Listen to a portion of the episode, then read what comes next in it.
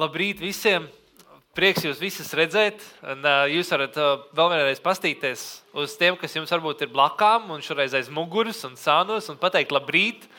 Ja īpaši tu ieraugi kādu cilvēku, ko tu varbūt neesi redzējis, vai varbūt vēl nepazīst, pagriezties mazliet uz uh, ieraudzīt kādu, kādu citu. Uh, kādu citu galdiņu ieraudzīt, un droši atrod, un pasties un pasakot, labrīt, Labrīt, ir prieks tevi redzēt. Vismaz atrod kādus pāris cilvēkus un sasveicinies. Reka, ir Ilza, kāds sasveicinājās. Neviens Rīls nav sasveicinājies. Reku. Brīnišķīgi. Droši un varat atrast kādu vietiņu, kur apsēsties. Prieks, ka šodien mums ir tādi svētki. Mums bija paredzēti svētki kādu mēnesi vai divus mēnešus atpakaļ. Bet, diemžēl, dažādu tādu zināmu apstākļu dēļ, veselības dēļ, mums nācās pārcelt to. Un mēs šodienā mums notiek šie draudzes svētki, ka mēs varam vienkārši priecāties par to, ka draudzē mēs esam kā ģimene un ka mēs varam būt kopā. Un, uh, mēs varam būt tik dažādi, bet mēs varam būt kopā.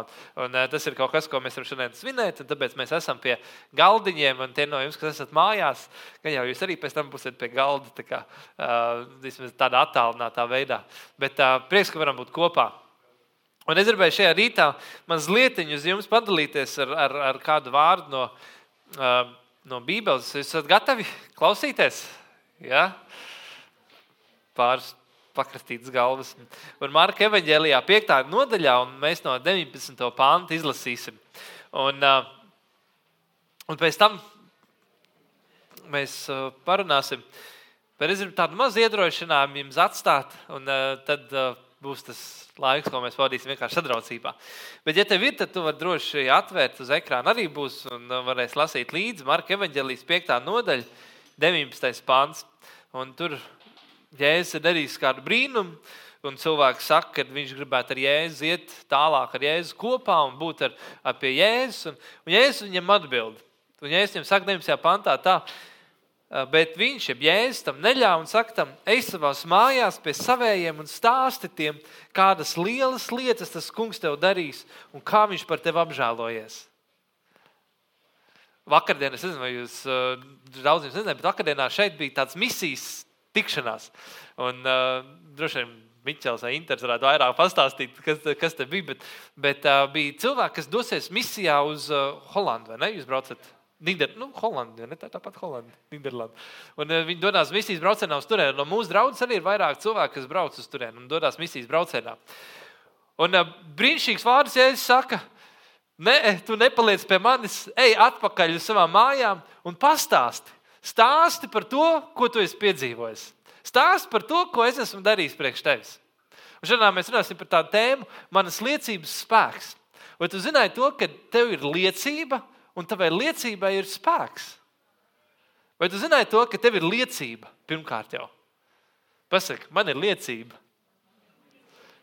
Brīnišķīgi, pēc tam turēs liecināt. Un tavai liecībai viņai ir spēks.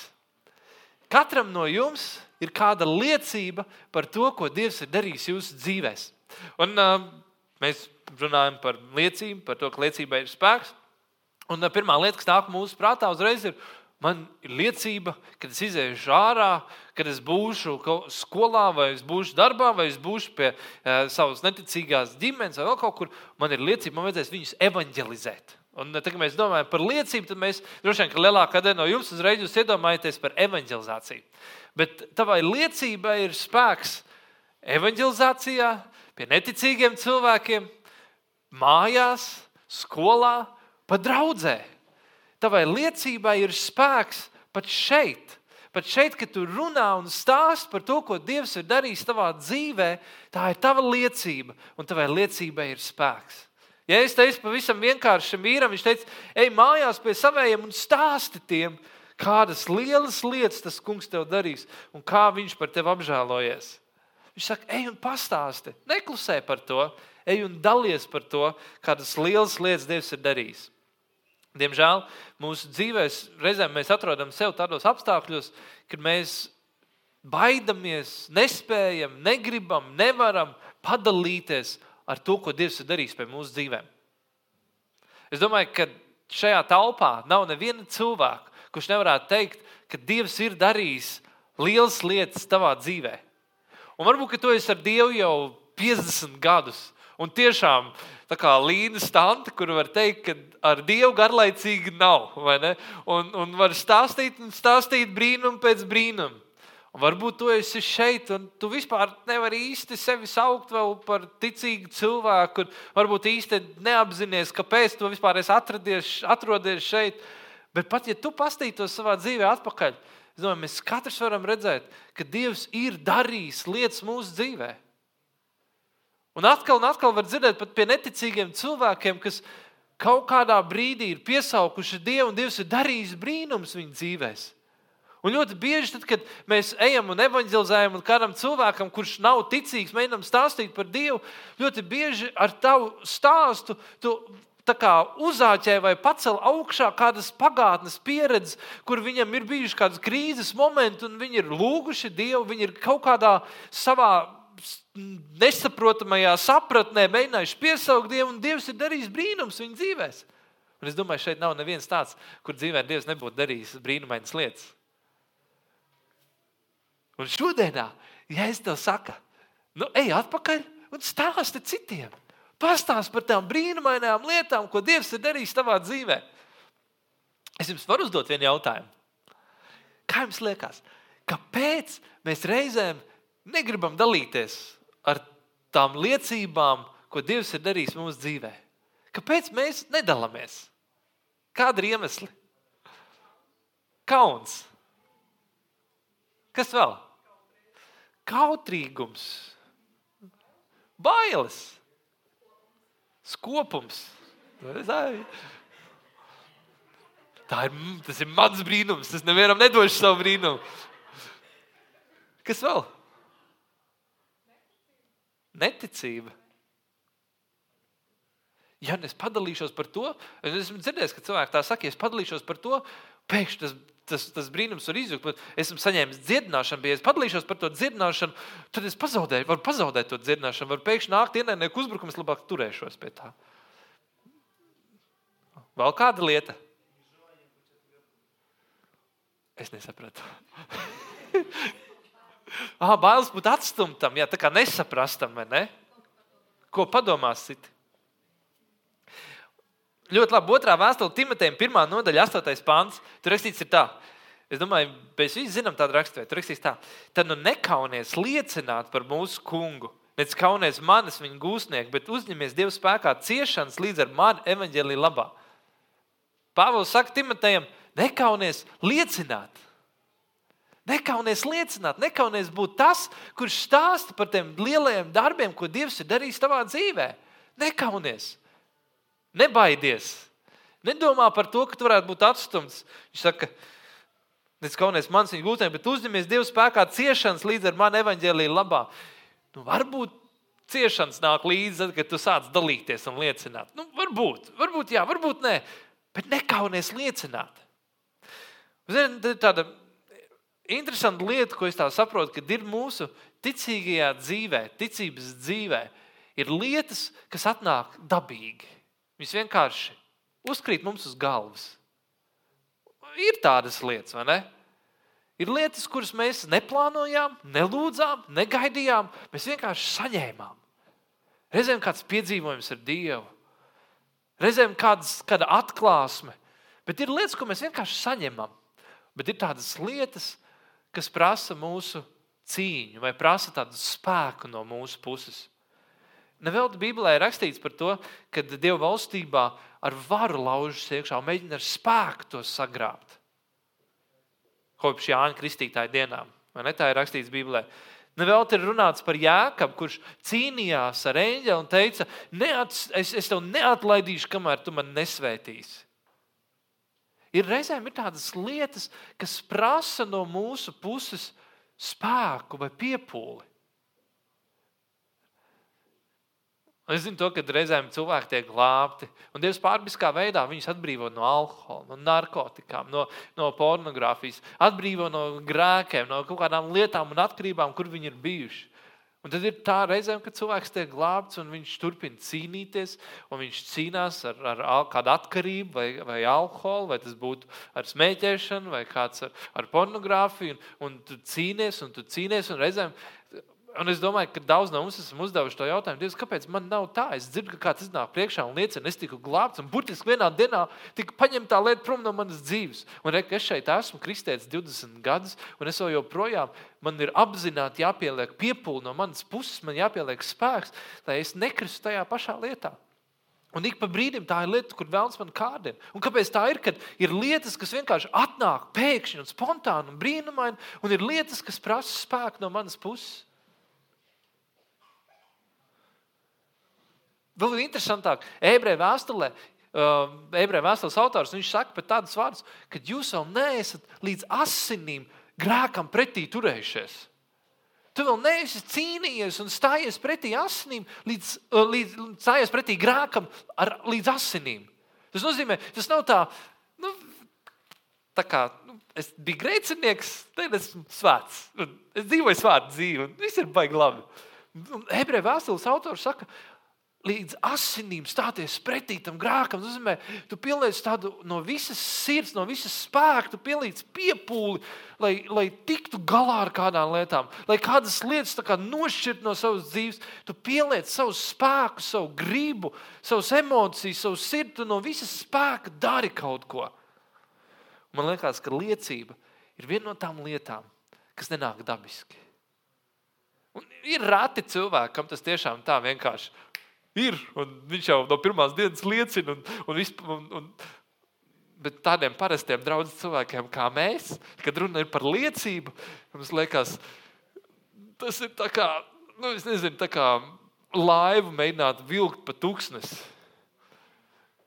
Tu vienkārši tas ir tā kā nasta, kur tu pieliec piepūli, tu pieliec savu spēku.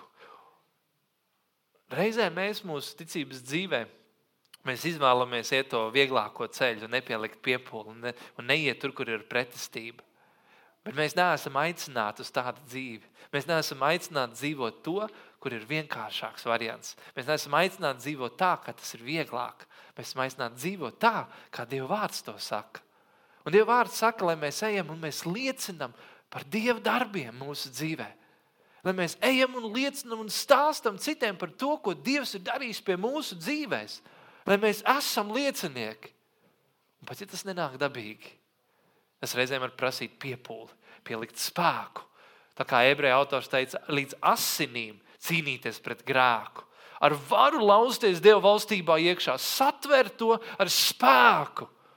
Un liecība, man liekas, ir viena no tām lietām, kas prasa to spēku un piepūli no mūsu puses. Ziniet, tāda ļoti interesanta lieta ir ebreju vēstulē, 11. nodaļā, tur ir runāts par ticības varoņiem. Un tur ir viena tāda maza, maza frāzīte, kas man vienmēr ir fascinējusi un pārsteigusi. Tas ir 34. pantā. Tur Nu, es izlasīju to 34. pāntu, rakstīts tā, uguns spēku nodzēsuši, zobenu asmenim izbēguši, pārvarējuši nespēku, karā stipri kļuvuši, svešs karapulks piespieduši bēgt. Var sakot, viņi ir, ir cilvēki, kas dzīvoja ticībā, viņi darīja brīnumainas lietas. Bet ir tāda viena maza lietiņa, kas starp visām parādās. Tur rakstīts tā, viņi ir karā stipri kļuvuši. Un reizēm mūsu priekšstats ir tāds, ka man ir jābūt gatavam Un tad es varu iet un varu darīt lietas. Es vispirms iziešu četru gadu Bībeles skolu, pēc tam es iziešu vēl otrā līmeņa, nākamos četrus gadus Bībeles skolā. Tad es, es mācīšos zem kāda brīnišķīga mācītāja, lielā draudzē, un es sasniegšu kādu līmeni, kad es, tad, tad varbūt es būšu gatavs beidzot liecināt par to, ko Dievs ir darījis ebreju vēstules autors raksta, ka ir cilvēki ticībā, kas ir karā stipri kļuvuši. Nevis pirms kara kļūst stipri, bet kara laikā, karā kļūst stipri. Man vienkārši es, es turpinu skatīties par to, kas notiekās Ukrajinā, un uh, kā attīstās situācijas. Es turpinu regulāri skatīties, sakot līdzi ziņām, un vienkārši fascinē un pārsteidz tā drosme, tas, tā, tas tā neatlaidība, tas spēks, kas ir Ukrāņu tautai, ka viņi ir gatavi vienkārši iet un, un, un pretoties, un iet karā un cīnīties. Un vienkārši cilvēki, zemnieki no vienkāršām pilsētām vienkārši iet un ir gatavi darīt. Ir kaut kas tāds, ka, ka tev nav jāsagaida, savu, ka tu esi gatavs, lai tu varētu darīt. Viņš karā kļūst stiprs, procesā viņš iegūst spēku. Es atceros, um, es atceros tas, bija, es nezinu, tas bija ļoti, ļoti sen atpakaļ. Es pirmo reizi mūžā gāju uz ielas evanģelizēt. Sen, sen, sen, sen atpakaļ. Un es atceros, tas, tas spērt to pirmo soli, iet un darīt. Katrīna Kulmana teica, tā, es katru dienu mirstu tūkstošu nāvis. Liekas, tas pirmais solis, kad tu spēr soli, iet un evanģelizēt, liekas, tu mirsti uz katru soli, ko tu spēr. Varbūt jums tā nav. Bet tu vienkārši esi pārsteigts par to, kā tajā brīdī, kad tu sāc atvērt savu muti, kad tu sāc runāt un liecināt, kā Dieva spēks piepilda tevi. Cik ļoti tev paliek vienalga, ko cilvēki padomā, ko cilvēki pateiks. Cik ļoti tev sāk tādas lietas, kas tev iepriekš uztrauc, tev pēkšņi tev vairāk nav nozīmīgas. Tu sāc, tu iegūsti spēku, atrodoties karā. Um, pēdējie divi gadi nav bijuši diezgan sportiski aktīvi. Ne tikai man vienam, bet es pieļauju domu, ka vēl kādiem no jums. Un, uh, mēnesis atpakaļ es pārslimoju Covid un dabūju certifikātu. Un man bija iespēja doties atkal uz basketbola treniņu. Uz basketbolu uzspēlēt ar džekiem kopā. Un es aizgāju uz turieni kārtējā vakarā, un tur mēs desmitos vakarā tiekamies turībā un mēs spēlējam basketbolu. Un uh, tāds uh, pusnakts basketbola spēle, un, un pēc divu gadu pārtraukuma tu iesildoties, apskriet pāris ap, apļus apkārt zālē, un jau tu sāc sajust asins garšu mutē. Kāds zina, kā tas ir? Ja? Atcerās tos. Vienkārši tev. Un tu saproti, ka šī nebūs viegla reize. Un, protams, kaut kādā veidā tu tur izmoki to dienu, un, un tās divas stundas, tu tur nu, pusotru stundu tu tur tu izspēlē. Saproti, no uz vienu galu, uz otru galu, uz vienu galu, uz otru galu. Tu skrien uz to laukumu, un, un tu nevari vairāk paskriet. Tu vienkārši mirsti nost uz tā laukuma. Nu, labi, tas sports ir beidzies. Nākamās divas dienas vienkārši drausmas. Drausmīgas. Ir kaut, nu, nav jau tā, ka ir viegli pēc diviem gadiem saņemties un aiziet kaut ko darīt desmitos vakarā, kad viss noliec gulēt un tev vajadzētu un tagad spēlēs basketbolu. Bet ir reizes, kad tu zini, tev vajag. Tev vienkārši to vajag. Un tāpēc, ka tev vajag, tu esi gatavs spiesties cauri tam visam pārējām, kas ir tajā procesā. Tu esi gatavs maksāt to cenu. Un zin, tās divas dienas, kad ir vienkārši nožēlojams, nu, diezgan drausmīgas tās dienas. Bet tās divas dienas, bet ir kaut kas tik labi iekšā, tik labi tā sajūta. Ir vienkārši nožēlojami, ir laba sajūta. kā latvieši saka. Bet ir kaut kas tik labs tajā, ka tu izspiedies cauri.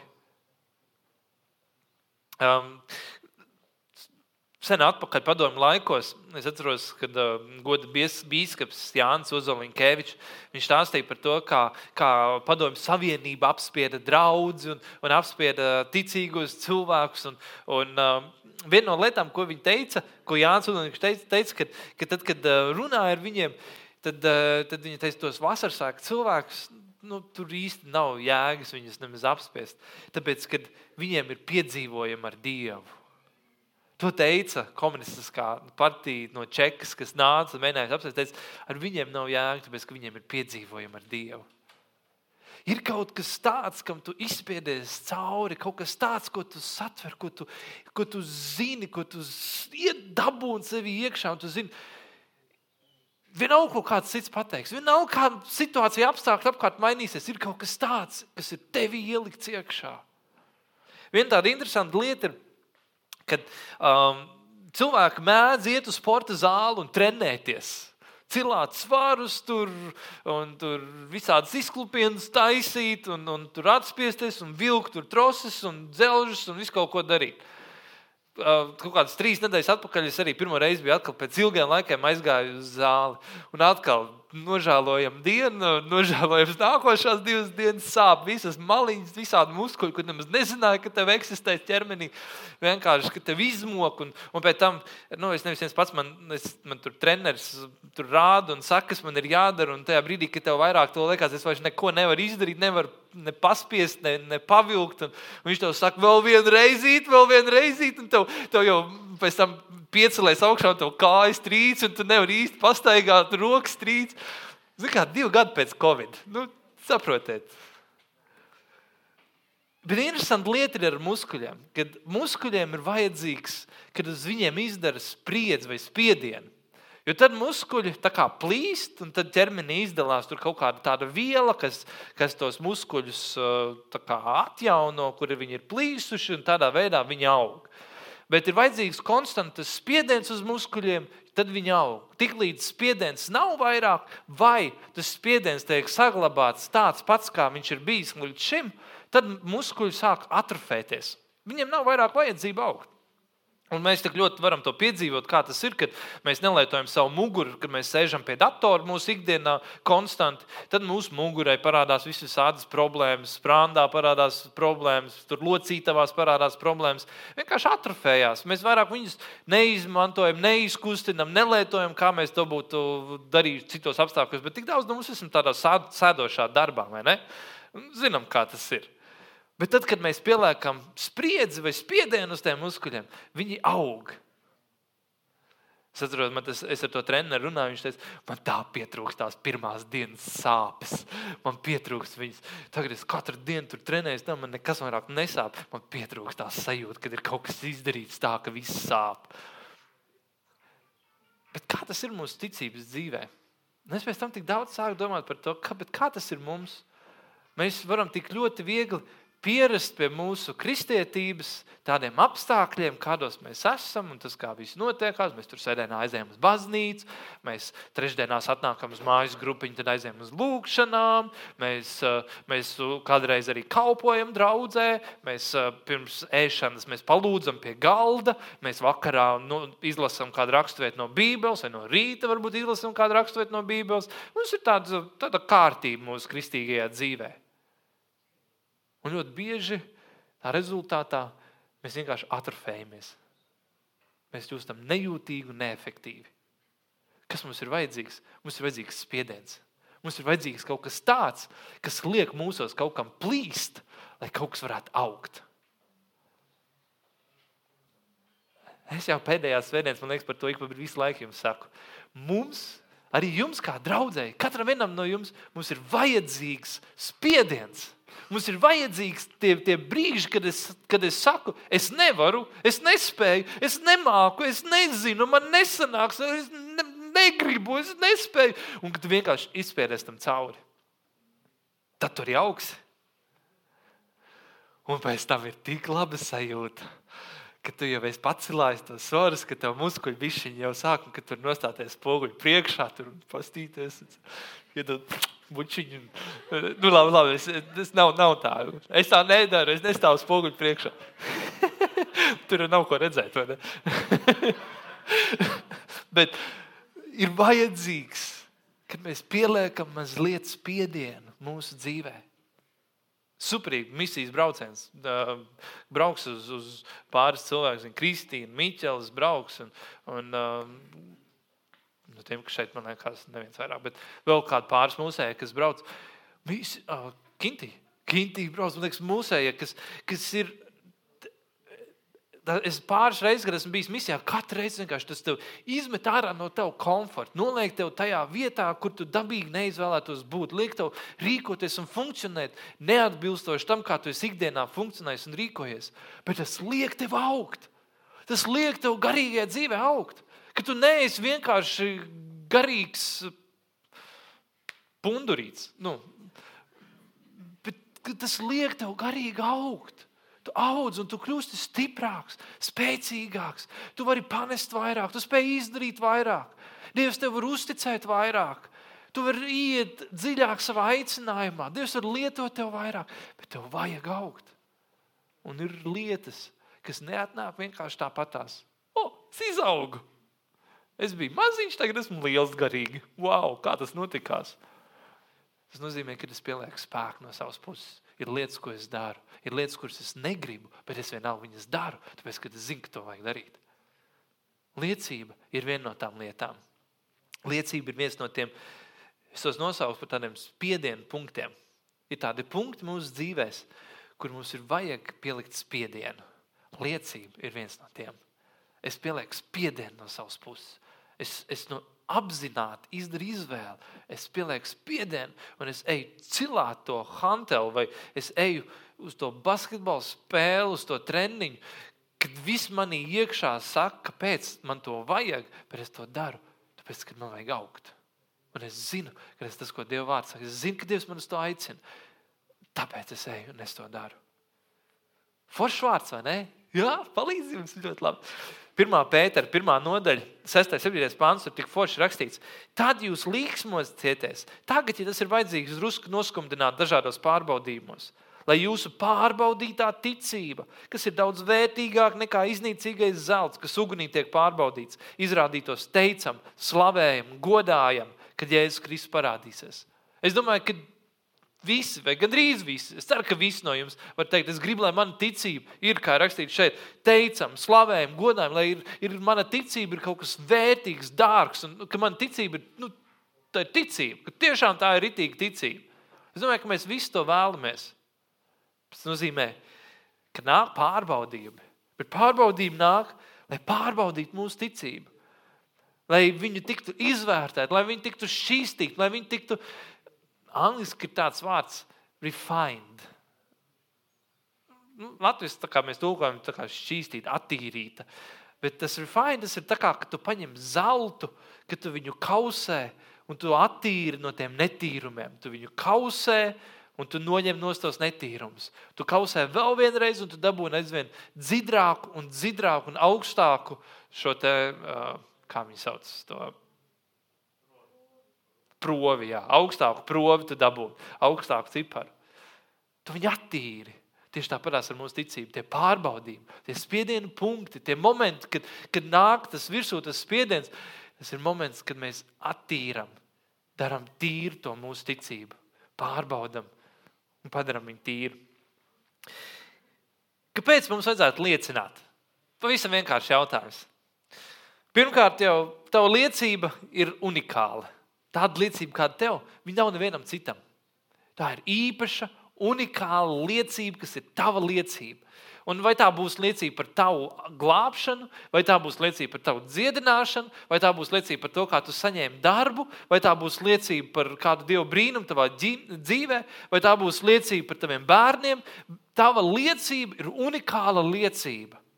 Otrakārt, cilvēkiem vienkārši patīk dzirdēt stāstus. Kāpēc mums liecināt?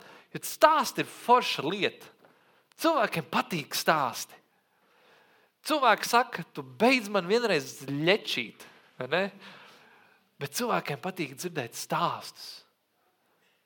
Cilvēki nevelti Jēzus, viņš konstanti runāja līdzībās. Viņš stāstīja stāstus. Reiz bija kāds vīrs, kuram piederēja, kurš dzīvoja Ja es stāstīju līdzības, reiz bija kāds sējējs, kurš gāja un sēja. Tava liecība tas arī ir stāsts par tevi un tavām attiecībām ar Dievu, par tevi un Dievu tavā dzīvē. Stāstu ir vieglāk uztvert. Stāsts, viņš atraisa fantāziju, viņš liek domāt. Stāsts ļauj tev sevi ieraudzīt tajā stāstā. Treškārt, liecība noņem bailes un atraisa drosmi. Liecība stiprinās tevi pašu. Kad tu dzirdi to, ko Dievs ir vienreiz darījis, tas radīs jaunu ticību tevī. Kad arī šodien Dievs var darīt tādas lietas. Es domāju, ka daudz no mums esam to piedzīvojuši. Kad jūties tāds nospiests, un tev sanāk kaut kāda saruna ar kādu cilvēku, un tu viņam stāsti kaut ko, ko Dievs ir darījis tavā dzīvē, un pēc tam te projām liekas, Nē, nu patiesībā nemaz tik slikti jau arī nav. Dievs jau darīja brīnumu, un arī šodienā viņš varētu izdarīt brīnumu. Kad tu liecini, tas paņem projām bailes un atraisa drosmi tavā dzīvē. Tas ceļ tavu ticību. Tas dod tev pārliecību par to, ka Dievs var darīt lietas tavā dzīvē arī šodienā. Ka Dievs ir tomēr bijis uzticams, ka Dievs tomēr nav tevi atstājis, ka Dievs tomēr ir redzējis tevi un bijis pie tevis, un ka Dievs tomēr ir dzīves tavā dzīvē. Nu, Bībelē rakstīts, ka uh, romiešiem 10, 17 ir teikts, ka tāda no ticība nāk no sludināšanas un sludināšana no Kristus pavēles. No runāšanas, no sludināšanas un tā, ka tu esi gatavs izrunāt, nāk ticība. Ticība nāk. Ticība atnāk tavā dzīvē, un tā atnes drosmi, spēku tev līdzi. Ceturtā lieta - ticība, tava liecība, tā būs cerība citam. Tava liecība būs cerība otram.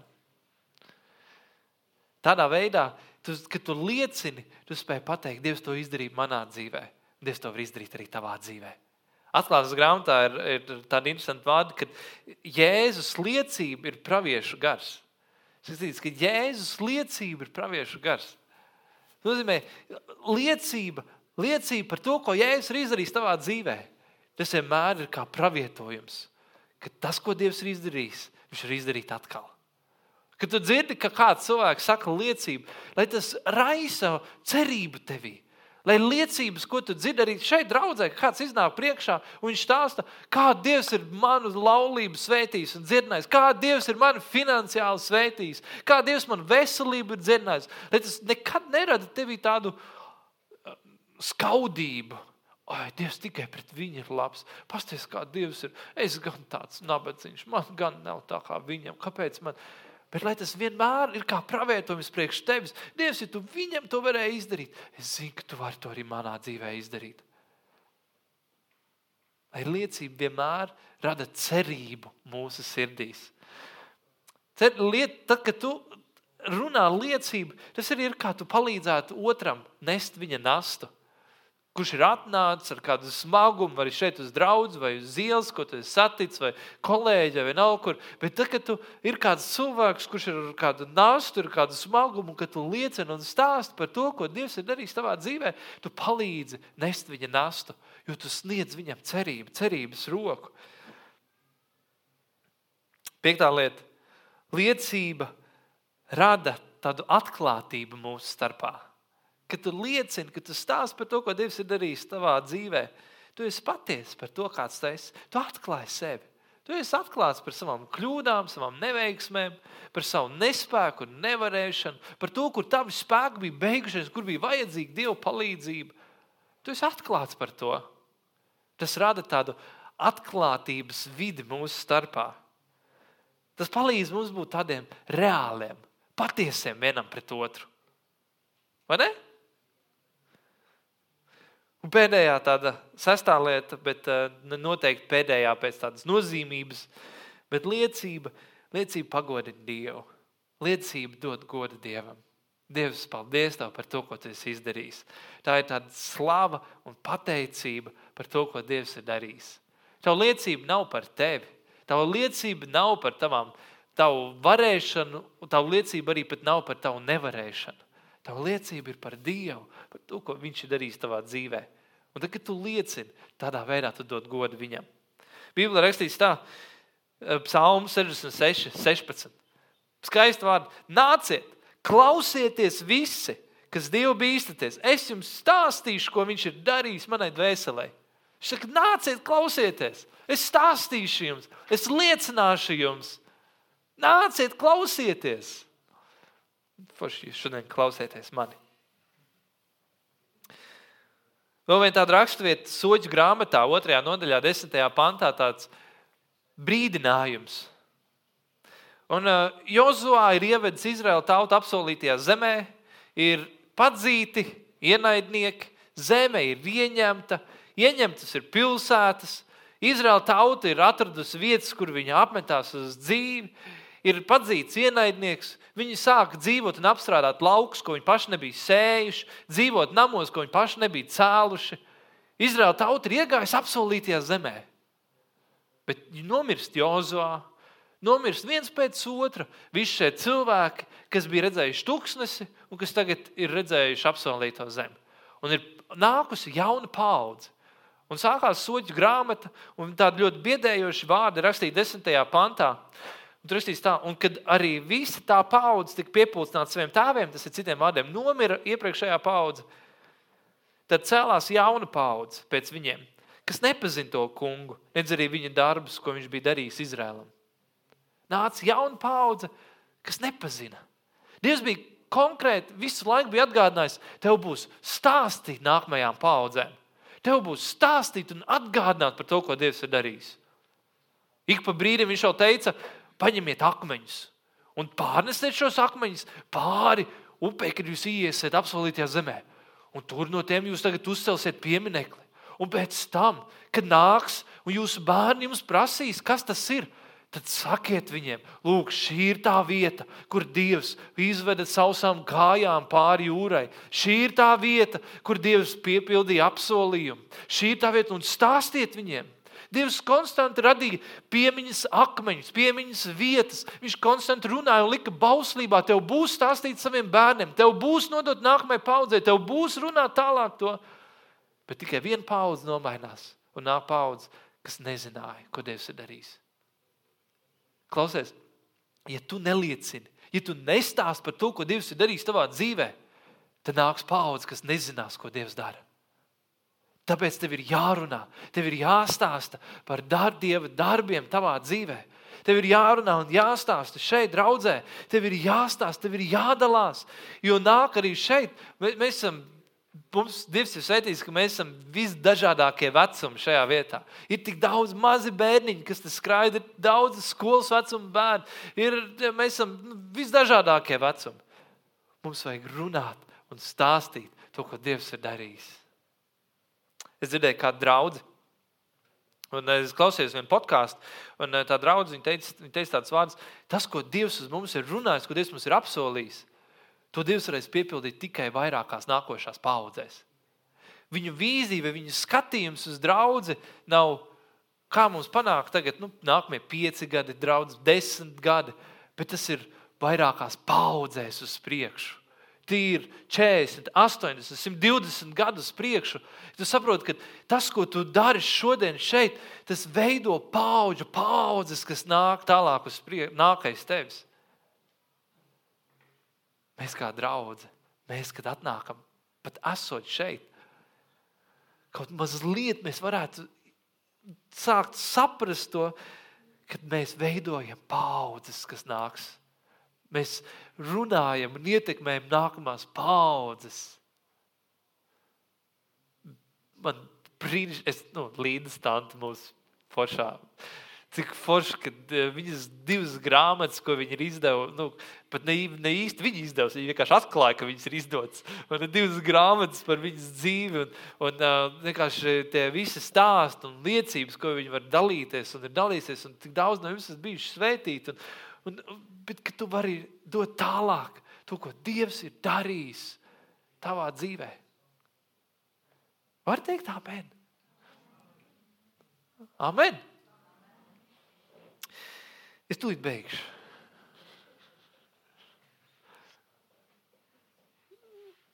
Bet liecība ir lieta, tas nav, lie, liecība ir kas tāds, uz ko Dievs mums katru ir aicinājis. Mēs katrs esam aicināti būt par Jēzus lieciniekiem. Labākā vieta, kur mēs varam sākt, vieglākā vieta, kur mēs varam sākt, ir šeit. Šeit Tu esi mīlēts, un pat ja tava liecība ir dīvaina, nesaprotama un uh, īsti neviens neko pēc tam nevarēs saprast, ko tu tur esi pateicis. Tāpat aplaudēs tev, turēs apsēsties un justīsies labi. Tad, kad tu liecināsi ārā darbā kolēģiem vēl kaut kur, un tava liecība būs nesaprotama, nu, viņi tev neaplaudēs. Teiksim tā. Šeit tu vari trenēties, tu vari mācīties. Tā ir laba iespēja, kur pielikt piepūli pie šīs piedienu punkta. Es zinu, ka mums draudzē ir daži cilvēki, kam, ja ir iespēja liecināt, viņi labprāt vienmēr nāk un liecina. Un ļoti forši. Un tas ir vajadzīgs, tas iedrošina pārējos. Bet es zinu, to, ka daudziem no jums atnākt priekšā un liecināt par to, ko Dievs ir darījis. Tas tev prasa mēnesi sagatavoties. Un pēc tam vēl šeit, atnākot uz vietas, izvērtēt, vai par šo mēnesi jau nav mainījusies tā liecība, vai vispār ir vēl jēga liecināt. Un tad tu arī iznāks priekšā tikai tad, ja tev trīs kaimiņi apkārt uz tevi pastīsies, uzstīs tev uz pleca un gan iztums tev priekšā. Un pat tad tu neesi pārliecināts, ka tu varēsi atnākt līdz šejienei. Un tā mums lielākajai daļai ir. Bet mums ir jāaug tajā. Mums ir jātrenējas tajā. Mums ir jāpieliek spēks pie šīs lietas.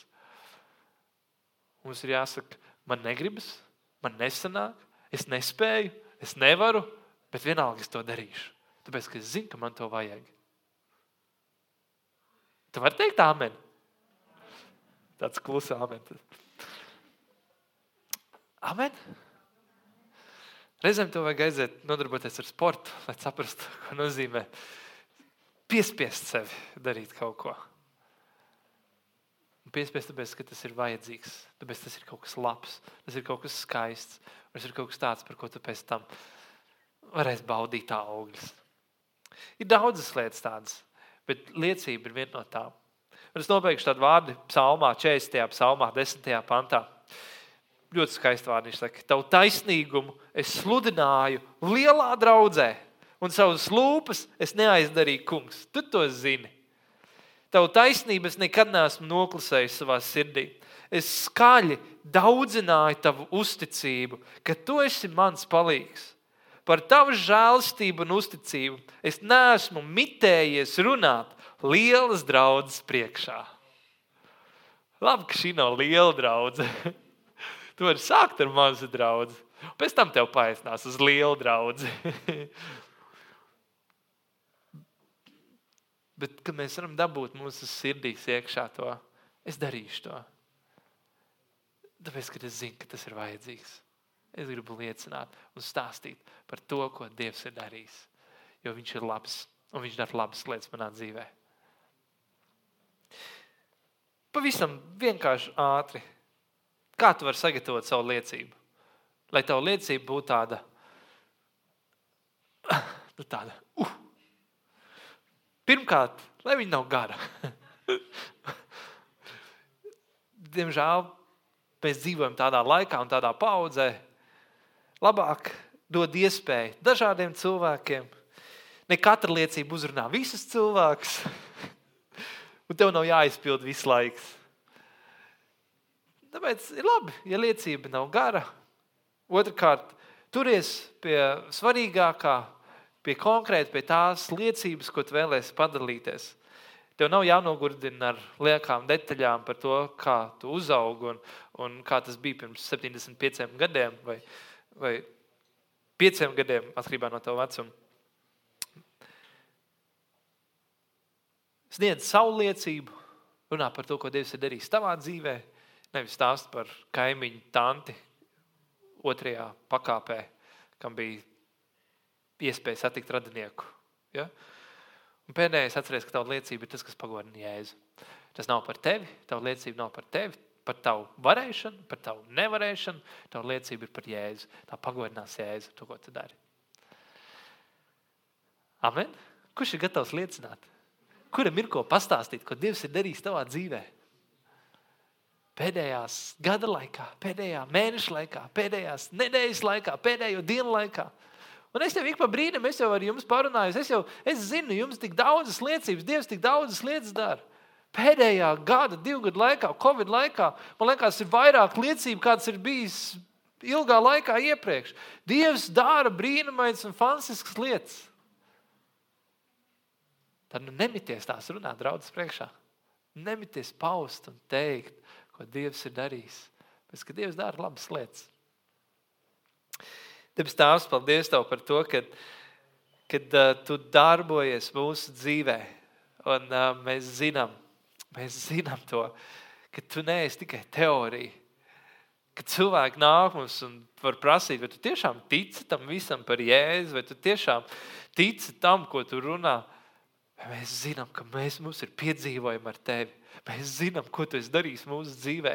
Mēs zinām, kādas brīnums tu esi darījis. Mēs zinām, kādu žēlstību, kādu, kādu labestību un labvēlību tu mums esi parādījis. Mēs esam redzējuši tavu roku pār mūsu dzīvēm.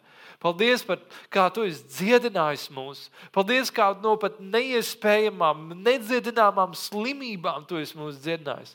Paldies, ka tu esi dziedinājis mūs no pavisam maziņām galvas sāpēm, no, no maziem puņķiem vai, vai vienkāršām lietām, bet ka tu esi dziedinātājs, tu esi mūsu ārsts.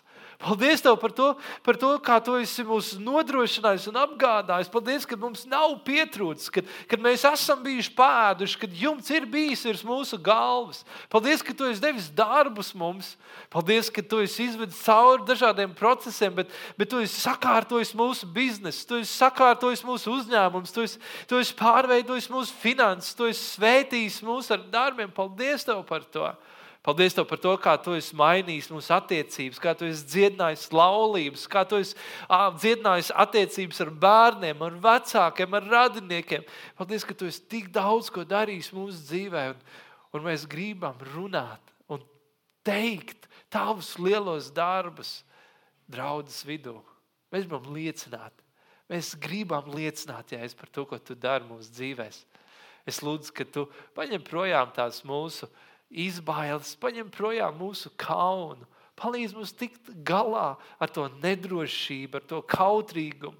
Palīdz mums tikt galā ar to mūsu raksturu, kas saka, mē, mēs jau tādi introverti esam. Mēs, mēs neesam tādi publikas cilvēki. Vai es lūdzu, Tēvs, palīdz mums to uzvarēt. Un dod mums spēku karā. Dod mums spēku, pielikt piepūli, pielikt spēku tajā, lai mūsu mute neklusētu par taviem lielajiem un varenajiem darbiem. Draudzes vidū, ģimenē, darbā, skolā, vienalga, kur mēs nonākam, bet ka mēs esam gatavi liecināt par taviem lielajiem darbiem. Tāpēc, ka tu vēl joprojām dari lielas lietas. Paldies tev par to. Jēzus vārdā. Amen.